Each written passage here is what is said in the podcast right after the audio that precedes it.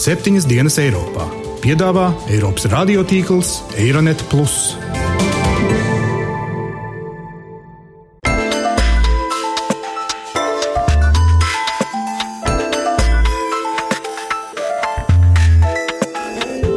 Šonadēļ septiņas dienas Eiropā dzirdēsim. Uh, we want to have success at the end. It's a Juncker proposal. Ka komisija izskatīsies tāda, gaidīja retais. Tur ir profesionāli politiķi. Klibo vispār komunikācija.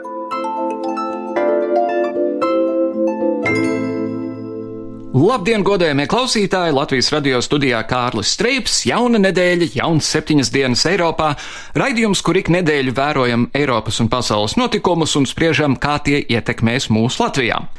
Sāksim ar to, ka lielākā daļa eiropiešu, konkrēti 52% atbalstītu Ukrainas pievienošanos Eiropas Savienībai. Tādus rezultātus apkopojusi kāda Amerikas Savienoto Valstu domnīca, kas veica plašu aptauju. Lielākie atbalstītāji ir bijuši poļi, spāņi un itāļi, lielākie pretinieki - vācieši un francūži. Apmēram divas trešdaļas aptaujāto eiropiešu apgalvoja, ka Eiropas Savienībai Ukrainai ir jānodrošina ekonomiskais un politiskais atbalsts, pat ja tas radīs papildus spriedzi ar Krieviju. Divas trešdaļas piekrita, ka nepieciešamas stingrākas Eiropas Savienības sankcijas pret Krieviju, toties 71% bija pret militāra rakstura atbalstu Ukrainai. Pie mums raidījumā šobrīd pamieris Ukrainas jautājumā, ja arī pamieris pašā Ukrainā nav tik konkrēts, jo šodien jums stāstīsim par Eiropas komisijas jauno sastāvu un par to, kas vēl jādara, lai Eiropai būtu atkal jauna valdība. Bet vispirms manas kolēģis Gita Siliņas sagatavotais pēdējās nedēļas galveno notikumu atskats.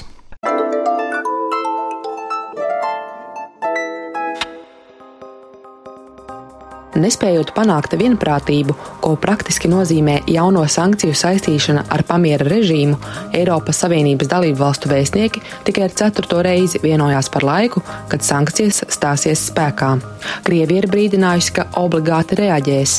Intervijā laikrakstam Vedomosti Krievijas premjeras Dmitrijs Medvēģevs draudēja atbildēt ar gaisa telpas slēgšanu Eiropas avio pārvadātājiem bet dažas Eiropas valstis uzskata, ka pēc Krievijas ieviestā pārtikas embargo Krievija varētu ķerties klāt gāzes piegādēm. Pēdējiem apgalvojumam eļļu ugunī pielēja Polijas valsts gāzes kompānija PGNIG, kas ceturtdien paziņoja, ka Krievijas gāzes koncerts Gazprom negaidīti samazinājis gāzes piegādes Polijai par 45%. Atsevišķi mēdīji norāda, ka Ukrainas prezidents Petro Porošenko ar grūtībām šobrīd cenšas attēlot Ukrainu kā ieguvēju no panāktā pamiera. Mēģinot īstenot pamiera vienošanos, viņš jau šonadēļ parlamentā plāno iesniegt likumprojektu, kas piešķirtu lielāku autonomiju nemiernieku kontrolētajiem reģioniem Ukrainas austrumos. Zvartāju vašu uvāru. Gribu uzsvērt, ka šeit nav un nekad nebūs federācija. Šīs daļas nonāks atpakaļ Ukraiņas jurisdikcijā. Separātisti gan ir paziņojuši, ka nevēlas tikai daļu teritoriju, bet gan visas Luganskas un Doņetskas neatkarību, tādēļ Porošenko piedāvājumu noraida. Ziņa attiecībā uz citu pasaules karsto punktu - tuvajiem austrumiem. Kā sacīja raidsabiedrība CNN, ASV prezidents Baraks Obama aizdītajā nedēļā teica runu, ko nekad nebūtu vēlējies teikt. 15 minūšu ilgajā uzrunā nācijai Obama paziņoja, ka paplašina cīņu pret radikālā džihādistu grupējuma Islāma valsts pozīcijām, un arī Sīrijā ASV turpmāk īstenos gaisa uzlidojumus. Esmu skaidri licis saprast, ka mēs notvērsim teroristus, lai arī kur viņi neatrastos. Tas nozīmē, ka es nevilcināšos rīkoties, lai cīnītos pret šo grupējumu gan Sīrijā, gan Irākā. Tas ir manas prezidentūras galvenais pamatprincips. Ja jūs apdraudat Ameriku, jūs neatradīsiet drošu patvērumu.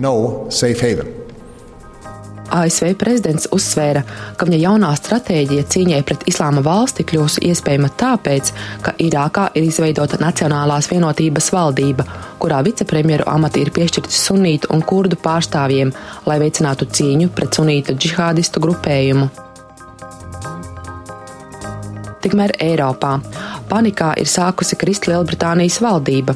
Vien dažas dienas pirms gaidāmā Skotijas referenduma par atdalīšanos sociālistiskās aptaujas pirmo reizi uzrādījušas, ka neatkarības piekritēji guvuši pārsvaru pār pretiniekiem. Mēģinot pārliecināt tās iedzīvotājus balsot pret neatkarību, visu Lielbritānijas parlamentā pārstāvēto partiju līderi ieradušies Skotijā, bet Lielbritānijas finanšu ministrs Džordžs Osborns licis saprast, ka Londona tuvāko dienu laikā piedāvās Skotijai lielāku patstāvību nodokļu un sociālajā jomā. Īpaši referenduma rezultātiem seko līdz Spānijā, kur šo ceturtdienu gaidāmais referendums par Skotijas neatkarību ir devis jaunu impulsu kataloņu nacionālistiem, kas iecerējuši rīkot savu nobalsošanu 9. novembrī.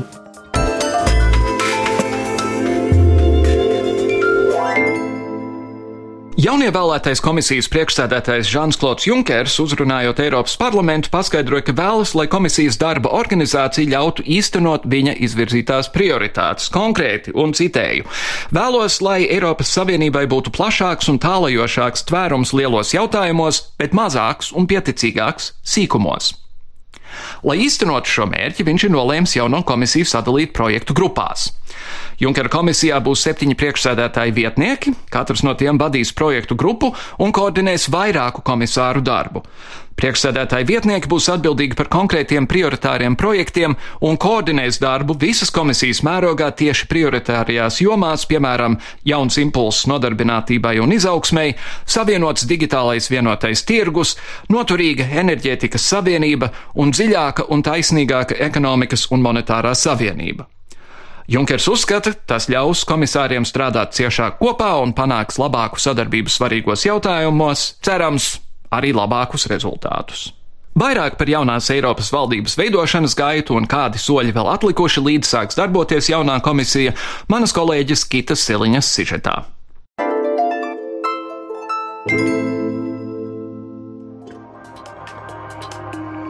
Pagājušās nedēļas trešdienā tika fiksēta kulminācija mēnešiem ilgām sarunām starp nākošo Eiropas komisijas priekšsēdētāju Žanu Klodu Junkeru un Eiropas Savienības dalību valstīm par lomu sadalījumu jaunajā Eiropas Savienības izpildvarā. Veids un struktūra, kā prezidents veica portfeļu sadali, sākotnēji tika dēvēta kā īpatnēja, nepareiza, pat neloģiska. Lekaks Guardian, piemēram, vērtējot Lielbritānijai deleģēto finanšu regulēšanas portfeli, rakstīja, ka Junkers piešķīrs atbildību par politikas jomām tām valstīm, kas regulāri sūdzas par politikas nepilnībām konkrētajās jomās. Tikmēr pats notikuma superlomas spēlētājs Žants Klots Junkers īsi pēc paziņojuma par portfeļu sadalīšanu mēdījiem klāstīja, ka ir izveidojis komandu, kas nostādīs Eiropu atpakaļ uz ceļa darbam un izaugsmēji. Turklāt visiem ir jābūt atvērtiem pārmaiņām un jāparāda, ka komisija var mainīties. Junkers sacīja, ka prezentē politisku, dinamisku un efektīvu Eiropas komisiju, kas ir gatava dot Eiropai jaunu startu. Cita starpā prezidents norādīja arī, ka portfeļus ir piešķīris cilvēkiem, nevis valstīm. Viņš laukumā esot nolicis 27 spēlētājus, no kuriem katram ir spēlējama konkrēta loma, un tāda ir viņa uzvarošā un draudzīgā komanda. Žants Klots Junkers. Es gribu palīdzēt Eiropiešiem un Eiropas Savienībai satuvināties un būt ciešāk kopā. Es vēlos, lai Eiropieši atkal var būt lepni par Eiropas Savienību. Es vēlos, lai Eiropas Savienība būtu spējīga novērst nesaskaņas starptautiskajā sistēmā šajā īpaši traģiskajā un bīstamajā laikā. Es nesāku savu pilnvaru laiku, sakot, ka viss ir labi un skaisti. Ir daudz lietas, kas Eiropā nav kārtībā un neveicas labi. Un tāpēc es vēlētos pilnveidot to, kas notiek labi, un izbeigt to, kas nav labi. Vienlaikus tiek norādīts arī, ka šis komisāru sastāvs ir spēcīgāks kā iepriekšējais, un šeit viena panākuma atslēga tomēr varētu būt par dīvainu kritizētajā Junkera taktikā. To mēdījiem skaidroja pats jaunās komisijas priekšēdētājs, kad akcentēja, kāpēc viens vai otrs komisāra kandidāts ir ieguvis konkrēto portfeli. Piemēram, varbūt ar Eiropas Savienības izpildvaru starpniecību varētu uzlabot Lielbritānijas un Francijas attiecības. Varbūt mūsu britu draugi labāk izpratīs komisijas politiku, ja tā tiks skaidrota vairāk elegantā versijā, Šekspīra valodā. Un varbūt mūsu franču draugi labāk izpratīs saturu, pamatojumu un politikas konsolidācijas nepieciešamību un izaugsmi, kas mums ir jāievieš. Pie pirmajiem jaunās komisijas portfeļa novērtētājiem pieskaitāms arī nesen ievēlētais Eiropas Tautas partijas līderis Manfreds Vēbers, kurš arī pats nākamajiem gadiem izvirzīs drosmīgu un pozitīvu plānu attiecībā uz stingri proeiropeisku politiku. Viņš pauda apmierinātību, sakot, ka ar šo augsta līmeņa komandu Eiropa būs labās rokās. Viņš arī norādīja, ka tiks darīts viss, lai izvairītos no jebkā, kas varētu kavēt jaunās komisijas darbu.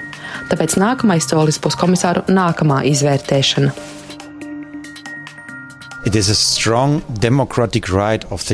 Tā ir stingra demokrātiska Eiropas parlamenta kārtība, kādā notiek šīs uzklausīšanas, lai pārbaudītu personas, kuras saņems varu un kuras pašas taujā pēc varas. Mēs darīsim to ļoti nopietni.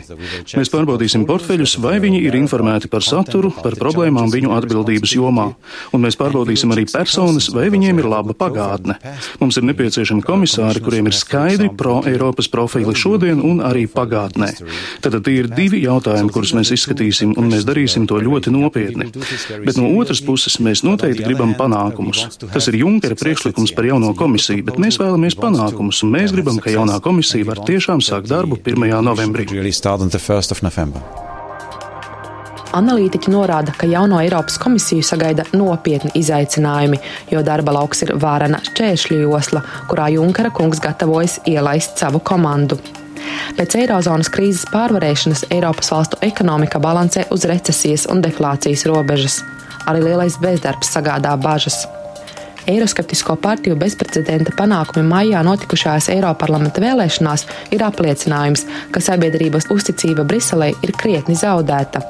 Eiropas komisijai tā būtu jāatjauno. Tāpat arī lielākais ārpolitikas izaicinājums - krīze Ukrainā un attiecības ar Krieviju.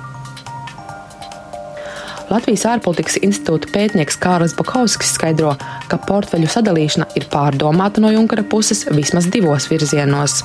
Lai jaunā komisija varētu veikt darbu produktīvi un lai arī visas iesaistītās puses būtu iespējami apmierinātas.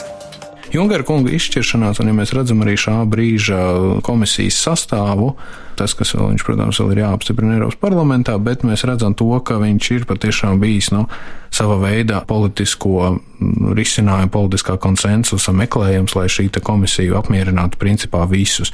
Gan Lielbritāniju piešķirot viņiem uh, finanšu jautājumu komisāru portfeli, gan mazās dalību valsts iedodot viņām šo te uh, komisijas viceprezidentu amatus. Tieši tāpatās arī kā jau plašākā mērogā arī izvēloties uh, Frederiku Mogherini kā augsto pārstāvu un vienu no komisijas viceprezidentiem. Ko varam sagaidīt turpmāk, ja vēl priekšā ir nopietnas pārunas un izvērtēšana?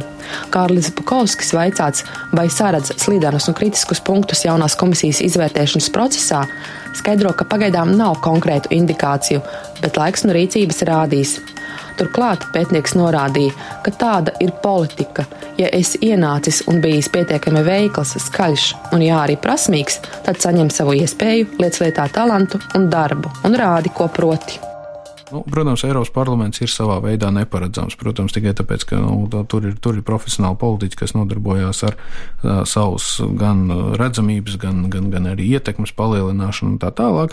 Un tāpēc varbūt tās mēs līdz galam šo neredzam. Un savā veidā tieši komisijas apstiprināšana kļūs par vienu no tām lielākajām, redzamākajām arēnām Eiropas Savienības līmenī. Un tāda, tāda ir izveidojusies šī situācija, kurā, kurā mums būs iespēja redzēt to, kas tad Eiropas parlamentam, kuri būs tie jautājumi, kas tiks uzdot.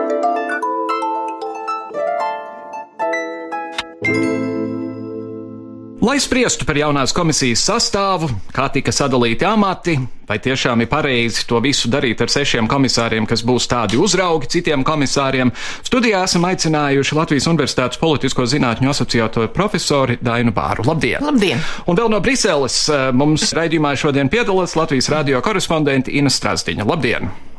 Labdien! Profesor, sāksim ar jums. Kā jūs kopumā vērtējat to, kas tur ir sanācis?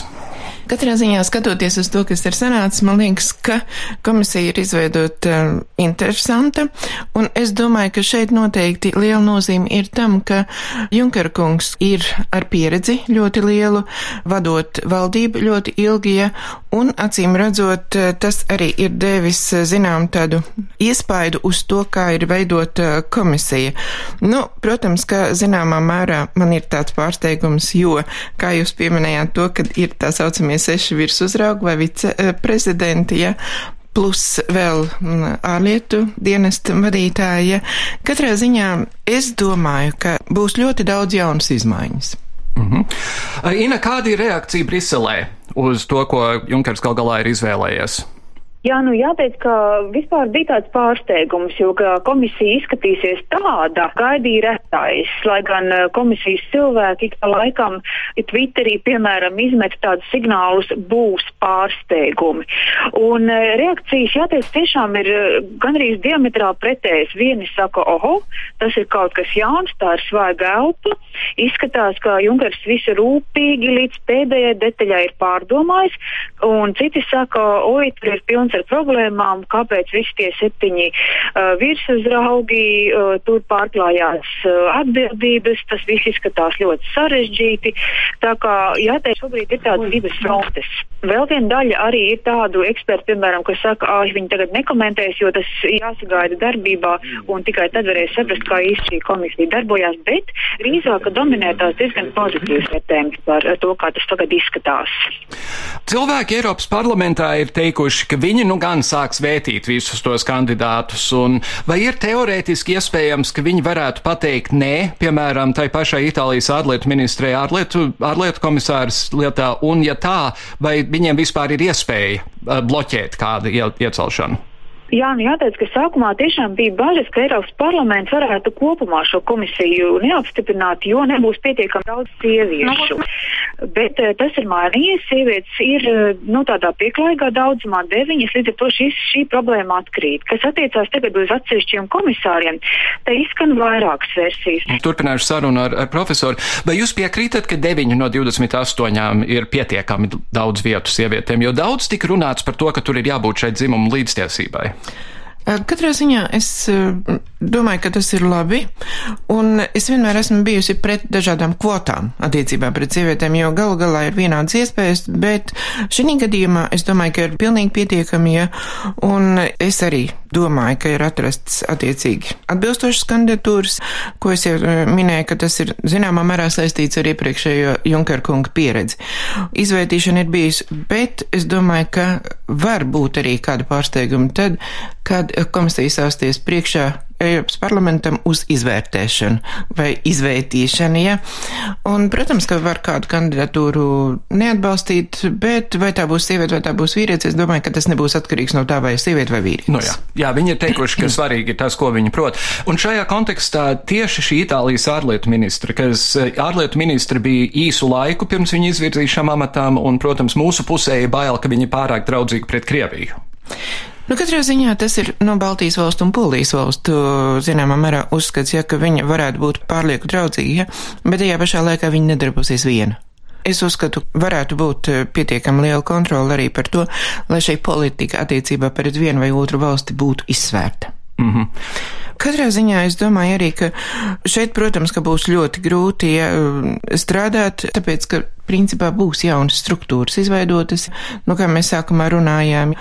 Un, protams, ka tagad, man liekas, arī ir pienācis laiks apspriest to komisijas jau izvirzītiem locekļiem kandidātiem, ko tad un kā darīs.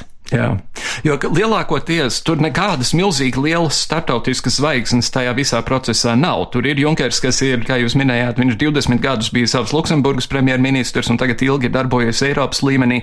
Visi tie cilvēki, tā skaitā mūsu pašu valdes Dombrovskis, ir labi zināmi mājās, bet ne tik daudz citur ārpus politiskajām aprindām. Jā, nu, skatoties uz šo sastāvu, ja, tā ir, ka, piemēram, nu, protams, ka ir tie, kuri jau ir atkārtoti izvirzīti par komisāriem, un tas palīdzēs noteikti strādāt, bet sakarā ar to, ka ir jaunā struktūra, nu, jauna izveidotāja, un būs jāapsver tas, kas jādara mūsu pašu Dombrovskis, kuram tagad būs ļoti, ļoti, ļoti liela, plaša pāraudzības joma. Es esmu lasījis komentāru laikam dienas biznesā, kurā bija konstatēts, ka citas starpā viena no viņa pāraugājamām jomām ir tā, kurā darbosies komisārs no Lielbritānijas, kurš savukārt ir liels eiroskeptiķis, un jā, tur varētu jā, jā. būt pietiekami sarežģīti. Nu, un uh, viņa pāraudzība, man liekas, arī ir. Uh, komisārs no Francijas, Jā. kas ir arī sociālists. Zinot to, cik Dombrovska kungs ir taupības piekritējs, ja, un tādas ļoti racionālas politikas piekritējs, es domāju, ka viņam nebūs viegli. Un tajā pašā laikā arī es domāju, ka ir ļoti grūti tā sfēra, kas ir Dombrovska kungam uzlikta, eiro un sociālais dialogs. Kas šķiet divas it kā nesaistītas jā, lietas. Jums taisnības piekrītam, ja, un, un, un savienot tās būs ļoti grūti, jo principā man liekas ir ļoti grūti noteikt, kā kādas tad būs tās viņa atbildības. Mm -hmm. Un cik es zinu arī to, ja, nu, es, protams, nezinu, varbūt um, Inskundze varēs to pateikt, man liekas, ka viņam nebūs arī ģenerāldirektorāta kas palīdzēs eh, darboties viņam. Tā kā es domāju, ka Dombrovskungam nebūs vienkārši strādāt, bet ņemot vērā to viņa pieredzi, arī darbojoties Eiropas parlamentā, jo viņš darbojies, un viņš tur dažiem ir pazīstams kā taupības režīmu ieviesējs. Jā, nu, politiskajās aprindās viņš tā tajā ziņā ir labi zināms. Un tas nozīmē, ka katram atsevišķiem komisāram būs pašam sava atbalsta struktūra ar ierēdniecību un visu pārējo, bet šiem viceprezidentiem. Jā, tā es saprotu Jā. no tā, ko es esmu iepazinusies ar to struktūru, ka viņam nebūs tā atbalsta struktūra, un tas, es domāju, ļoti sarežģīt darbu. Tas varētu gan sarežģīt mm. darbu. Varbūt eh, pašos pamatos, varbūt ne visi mūsu klausītāji tā īsti saprot, ar ko īsti tā Eiropas komisija nodarbojas, kas ir viņas eh, galvenā funkcija. Es jau vienmēr saku tā, ka Eiropas komisija ir tā, kas mums ir valdība. Tātad viņa faktiski īsteno politiku, ko kopā pieņem un lemj ar Eiropas parlamentu. Un līdz ar to, ja ir ārkārtīgi plašs lauks un vēl ņemot vērā šai komisijai, manuprāt, vēl papildus, nu tādu Atbildību uzliek tas, cik ļoti sarežģījusies ir starptautiskā situācija, kā arī Junkerkungs ir nosaucis ģeopolitiskā situācija, ka tas uzliek vēl lielāks pienākums, atbildība, kā teikt, valdības locekļiem, ja no komisāriem būs ļoti daudz kas atkarīgs. Mm -hmm. Un es domāju, to varētu arī pieņemt, to, ja, ka šādā veidā izveidojot šo struktūru jauno, izdalot šos viceprezidenta amatus, ka Junker kungs ir domājis arī, lai labāk koordinētu darbu, lai eh, būtu atbildība, jo viņš viens 28 komisārus savākt kopā būtu ļoti grūti, bet tagad būs atbildīgais, tikai ir jādomā par to, kādiem līdzekļiem kādiem instrumentiem, ja? jo tas, diemžēl, nav skaidrs. Man, piemēram, skatoties, nav skaidrs, kādi ir tie pārvaldības instrumenti, kas būs šo viceprezidentu rokās. Un tad to droši vien sāksim uzzināt, reiz tā sistēma būs uz vietas pēc 1. novembra. Un... Jā, un tas paņems arī laiku. Mm -hmm. Iestrādāties. Jā, iestrādāties. Vienmēr tiek uzsvērts, eh, mūsu aizejošais komisārs Andris Piebalgs daudz par to runāja, ka reiz cilvēks ir kļuvis par komisāru Eiropas līmenī, viņš vairs nav savas valsts konkrēts pārstāvis, kas dara to, kas ir vajadzīgs viņa valstī konkrēti, viņš darbojas kopējā, kopējā joma. Cik lielā mērā tas tā tiešām ir? Es domāju, ka tas ir lielā mērā tā, kā teicis ir piebalkums, un arī citi to ir norādījuši, ka tas ir iegūts Eiropas mandāts un jādarbojas visu Eiropas valstu kopējās interesēs, bet tajā pašā laikā darbojoties Eiropas kopējās interesēs, es domāju, ka var domāt arī par attiecīgo valstu interesēm, jo neviens taču negrib nodarīt pāri kopējai lietai kaut ko labi izdarot sev, vai arī, ja mēs darīsim labu sev, varbūt iegūsim labu arī citiem. Tā kā šeit ir tāda diezgan sarežģīta situācija. Katrs komisārs, es domāju, ka to izmanto pēc savām iespējām, pēc savām zināšanām, prasmēm un iemaņām. Bet stiprinot visu Eiropu, mēs stiprinām arī, arī katru savu valsti. Stiprinot savu valsti, mēs stiprinām arī visu Eiropu. Nu, jā. Savukārt, eh, tā joma, kurā piebalkungs darbojās, tagad palīdzība trešajām mazpalīdzīgajām valstīm, pēdējo piecu gadu laikā mēs Latvijā par viņu visai maz esam dzirdējuši, izņemot tajos brīžos, ka kāds runā, ka viņam vajag kļūt par prezidentu. Eh, ziniet, nu te ir viena lieta, kas, manuprāt, diezgan daudz eh, traucē vispār izprast Eiropas komisiju, Eiropas Savienības lietas, ka klibo vispār komunikācija. Mēs ļoti maz normālā, saprotamā valodā zinām, ar ko nodarbojas Eiropas komisija, ar ko nodarbojas Eiropas parlaments, ar ko nodarbojas komisāri. Un, manuprāt, diezgan maz par to, ko darīja Piebalkunga komisariāts, ja, ļoti maz par to zināja pie mums Latvijā. Es nezinu, kāpēc tas tā ir, man nav skaidrojumi šī gadījumā, ja, bet tas, ka komunikācija ir jāpievērš lielāku uzmanību, tas viennozīmīgi, manuprāt, ir svarīgi, ja, un jūs arī ļoti labi droši vien to zināt, cik tas ir svarīgi. Jo sākumā, tad, kad Barozo veidoja savu pirmo komisiju, Manuprāt, tad bija speciāls ģenerāldirektorāts, ja, un arī komisārs, kas nodarbojās ar šīm lietām, kas koordinētu ne tikai komunikāciju ar Eiropas iedzīvotājiem, ja, sabiedrību, bet arī savstarpējo to komunikāciju institūciju. Un līdz ar to, ka mums nav skaidrs, ko dara Eiropas komisija, ko dara Eiropas parlaments, mēs nejūtamies īsti piederīgi, un mēs nezinām, kā ietekmēt to, kas notiek Eiropā kādi lēmumi tiek pieņemti. Par to ir jāstāsta. Ja. Es pieļauju, ka Eiropas Savienība droši vien teiktu, ziniet, ko, mīļie, nāciet uz mūsu mājaslapu, tur jūs varat atrast visu pēc kārtas, sūtiet savus korespondentus. Latvijas rādio ir korespondents Briselē, Latvijas televīzijai tagad būs korespondenti Ilzi Nagla Briselē. Strādājiet! Mēs neko neslēpjam. Nē, tur jau ir tā lieta, ka principā arī tā komunikācijas politika bija vairāk vai mazāk tagad tendēta uz to, ka katrai valstī ir jādara šīs lietas un e, jādod informācija par to, kas notiek institūcijās. Šeit, protams, ka, nu, jāsaka jau godīgi, jā, ka mēs nedaram pārāk daudz. Nu, mana pārliecība ir tā, ja, ka tomēr pamatu pamatā koordinācija un viss informācija tomēr ir Briseles e, jautājums lielā mērā. Un arī tajā mājaslapā nevienmēr var ātri atrast jā, un viegli. Tā nav vienkārši, jo es diezgan bieži ieskatos, ja un tā nav tik viegli atrodama.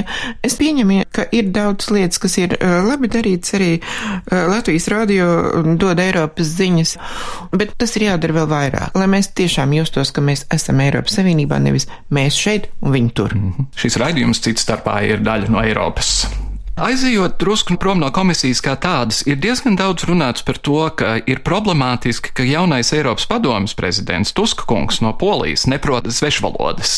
Vai tas tiešām ir nozīmīgi? Eh, es domāju, ka mēs Latvijā vispār pārspīlējam šo valodas jautājumu, jā, un uh, Tuskungs eh, salīdzinoši labi runā, gan angliski, ir pietiekami labi kvalitatīvi tulki, ja katrā ziņā, ja paklausamies vispār, kā runā citu valstu vadītāji, citu valdību vadītāji, tie paši deputāti. Es domāju, ka nevajadzētu būt problēmai tajā jautājumā, ka Tuskungs nezina vienu vai otru valodu. Es tieši tajā brīdī, kad Tuska kungu apstiprināja par padomus priekšētāju, biju Polijā, Varšavā un Daņskā. Un uh, es redzēju Protams, arī to, kā cilvēki, nu, manā apkārtnē, tie, protams, bija akadēmiskā vide, ka ļoti pozitīvi uzņēma to poļu, bija lepni par to, ka um, Tuska kungs ir izvirzīts, nu, viņi arī citādā veidā priecājās, ja par to, bet katrā ziņā viņi noteikti ir lepni par to, un vēl ir viena lieta, ja, ko mm, es domāju, ka arī mums ir jābūt lepniem par to, ka mūsu cilvēks ir komisārs un pietiek, teiksim, apzelēt un, un, un visu laiku runāt par to, kuram portfelim lielāks svars, kuram mazāks. Ja. Tas ir kopējs darbs. Tas ir kopējs darbs un vienkārši ir jādomā par to, ka jāstrādā. Nu, jā. Tikai, nu, jāpagaida laikam, acīm redzot, ir tā iztaujāšana, ja no 29. līdz 1. oktobrim. Jā. Ja? Bet es ļoti ceru, ka viss būs kārtībā. Un nobeidzot, laikam ir jāsaka, ka viegli nebūs šai komisijai un šim jaunajam parlamentam. Finanšu krīze nav vēl īsti beigusies, Ukrainā ir problēmas, tuvajos austrumos ir problēmas, tirdzniecības līgums ar Ameriku vēl vien nav noslēgts un tā tālāk. Nebūs viegli. Es jums noteikti piekrītu, ja, ka nebūs viegli, ja, bet tāpēc es uzskatu, ka tur ir pietiekami daudz pieredzes bagāti cilvēki ar eh, komisijas priekšētāju priekšgalā un vēl piedāvām ir daudz jaunu cilvēku, gan mazāku pieredzi, gan arī gados jauni, pietiekami daudz sievietes kas ir kārtīgs darba darītājs, un es novēlu tiešām, jā, lai mūsu komisija strādātu, un lai mēs arī ik viena valsts, ik viens cilvēks izjustu. No jūsu mutes, Junker un Dievausi, kā teikt. Profesor Daina Bāra, paldies jums par sarunu. Paldies jums. Paldies arī Nais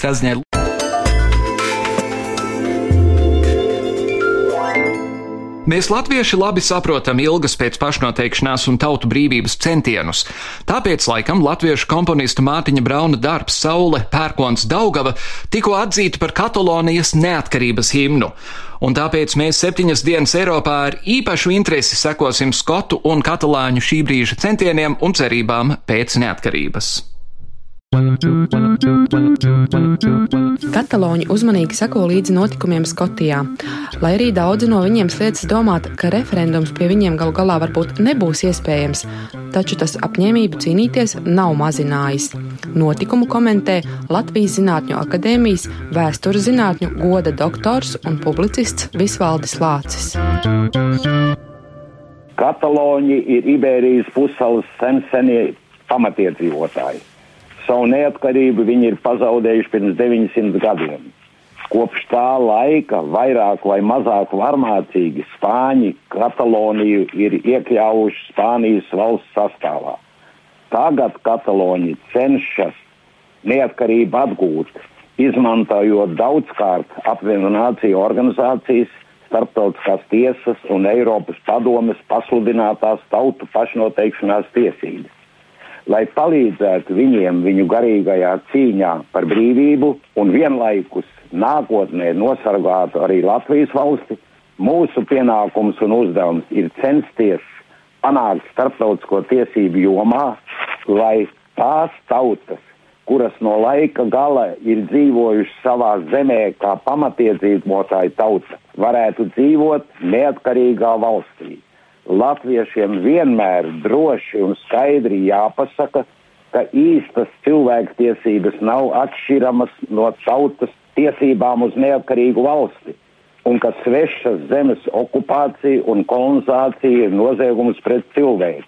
Tādēļ Vācijas kancleres Merkeles nesenais paziņojums, ka Katalonija nedrīkst atdalīties no Spānijas valsts, ir vērtējams kā Eiropas senu vērtību noliegums.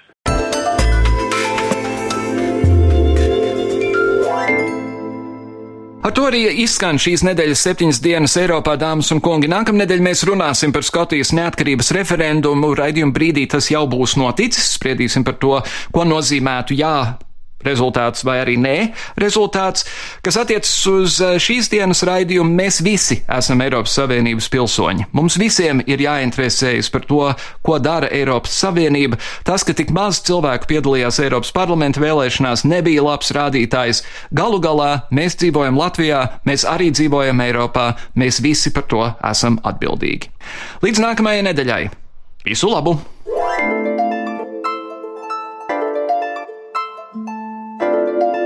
Raidījumu veido Kārlis Streips un Gita Siliņa, producents Lukas Rozītis.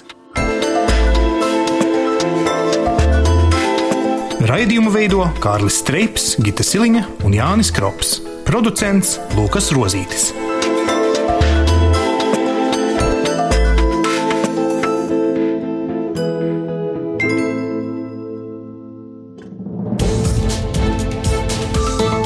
Visus Eironet plus sižetus un raidījumus meklējiet Latvijas radio mājaslapā.